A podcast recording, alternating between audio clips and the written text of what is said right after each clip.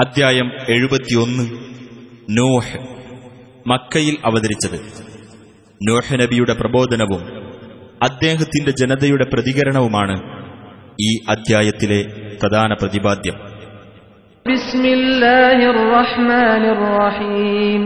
ഇന്ന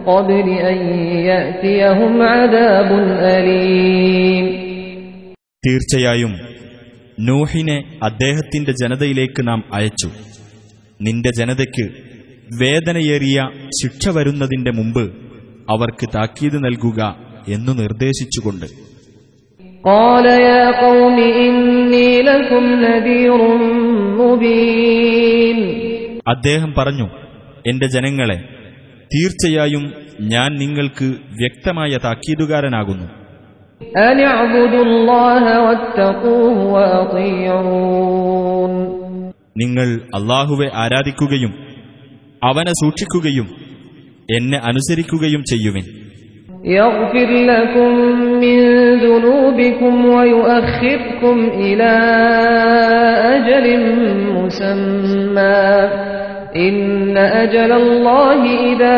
جاء لا يؤخر لو كنتم تعلمون എങ്കിൽ അവൻ നിങ്ങൾക്ക് നിങ്ങളുടെ പാപങ്ങളിൽ ചിലത് പൊറത്തു തരികയും നിർണയിക്കപ്പെട്ട ഒരു അവധി വരെ നിങ്ങളെ നീട്ടിയിടുകയും ചെയ്യുന്നതാണ് തീർച്ചയായും അള്ളാഹുവിന്റെ അവധി വന്നാൽ അത് നീട്ടിക്കൊടുക്കപ്പെടുകയില്ല നിങ്ങൾ അറിഞ്ഞിരുന്നുവെങ്കിൽ قال رب إني دعوت قومي ليلا ونهارا അദ്ദേഹം പറഞ്ഞു എന്റെ രക്ഷിതാവേ തീർച്ചയായും എന്റെ ജനതയെ രാവും പകലും ഞാൻ വിളിച്ചു فلم يزدهم دعائي إلا فرارا എന്നിട്ട് എന്റെ വിളി അവരുടെ ഓടിപ്പോക്ക് വർദ്ധിപ്പിക്കുക മാത്രമേ ചെയ്തുള്ളൂ وإني كلما دعوتهم لتغفر لهم جعلوا أصابعهم في آذانهم جعلوا أصابعهم في آذانهم واستغشوا ثيابهم وأصروا واستكبروا استكبارا തീർച്ചയായും നീ അവർക്ക് പൊറത്തു കൊടുക്കുവാൻ വേണ്ടി ഞാൻ അവരെ വിളിച്ചപ്പോഴൊക്കെയും അവർ അവരുടെ വിരലുകൾ കാതുകളിൽ വെക്കുകയും അവരുടെ വസ്ത്രങ്ങൾ മൂടിപ്പുതക്കുകയും അവർ ഷടിച്ചു നിൽക്കുകയും കടുത്ത അഹങ്കാരം നടിക്കുകയുമാണ് ചെയ്തത്.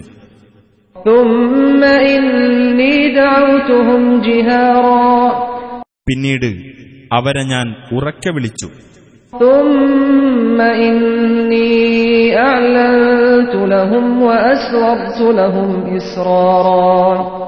പിന്നീട് ഞാൻ അവരോട് പരസ്യമായും വളരെ രഹസ്യമായും പ്രബോധനം നടത്തി.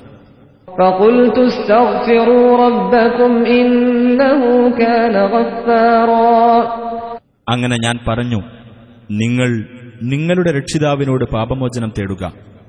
തീർച്ചയായും അവൻ ഏറെ പൊറുക്കുന്നവനാകുന്നു.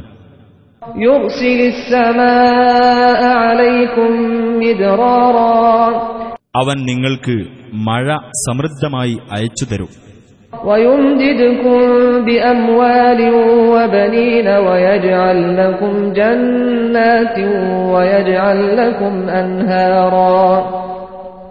സ്വത്തുക്കളും സന്താനങ്ങളും കൊണ്ട് നിങ്ങളെ അവൻ പോഷിപ്പിക്കുകയും നിങ്ങൾക്കവൻ തോട്ടങ്ങൾ ഉണ്ടാക്കിത്തരികയും നിങ്ങൾക്കവൻ അരുവികൾ ഉണ്ടാക്കിത്തരികയും ചെയ്യും.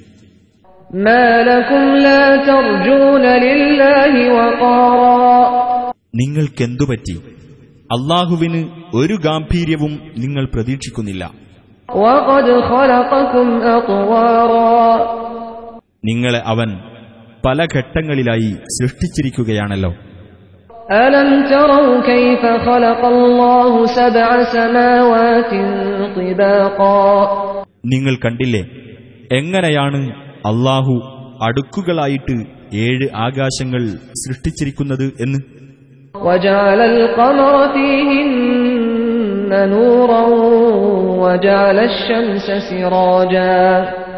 ചന്ദ്രനെ അവിടെ ഒരു പ്രകാശമാക്കിയിരിക്കുന്നു. സൂര്യനെ ഒരു വിളക്കുമാക്കിയിരിക്കുന്നു.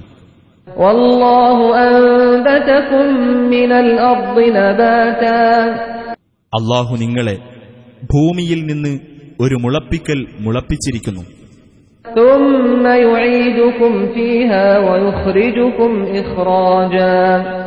പിന്നെ അതിൽ തന്നെ നിങ്ങളെ അവൻ മടക്കുകയും നിങ്ങളെ ഒരിക്കൽ അവൻ പുറത്തു കൊണ്ടുവരികയും ചെയ്യുന്നതാണ്.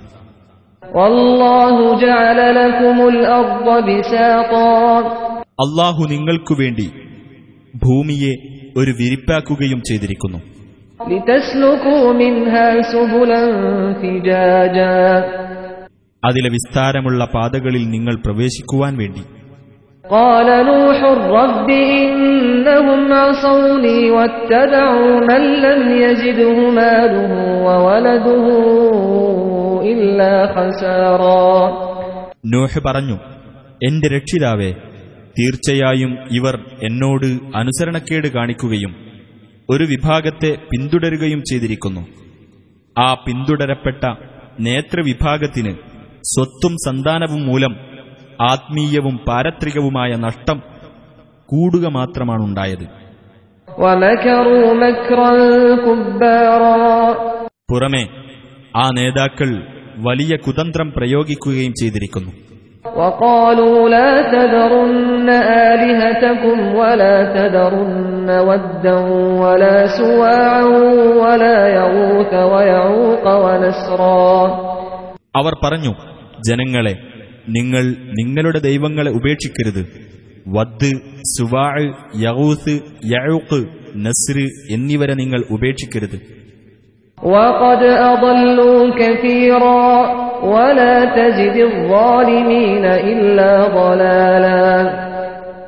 അങ്ങനെ അവർ വളരെയധികം ആളുകളെ വഴിപിഴപ്പിച്ചു. രക്ഷിതാവേ ആ അക്രമകാരികൾക്ക് വഴിപിഴവല്ലാതെ മറ്റൊന്നും നീ വർദ്ധിപ്പിക്കരുത്. മിമ്മ خطيئاتهم أغرقوا فأدخلوا نارا فلم يجدوا لهم من دون الله أنصارا അവരുടെ പാപങ്ങൾ നിമിത്തം അവർ മുക്കി നശിപ്പിക്കപ്പെട്ടു എന്നിട്ടവർ നരകാഗ്നിയിൽ പ്രവേശിപ്പിക്കപ്പെട്ടു അപ്പോൾ തങ്ങൾക്ക് അള്ളാഹുവിന് പുറമെ സഹായികളാരെയും അവർ കണ്ടെത്തിയില്ല وقال نوح رب لا تذر على الأرض من الكافرين ديارا നോഹ് പറഞ്ഞു എന്റെ രക്ഷിതാവേ ഭൂമുഖത്ത് സത്യനിഷേധികളിൽപ്പെട്ട ഒരു പൗരനെയും നീ വിട്ടേക്കരുതേ إنك إن تذرهم يضلوا عبادك ولا يلدوا إلا فاجرا كفارا തീർച്ചയായും നീ അവരെ വിട്ടേക്കുകയാണെങ്കിൽ നിന്റെ ദാസന്മാരെ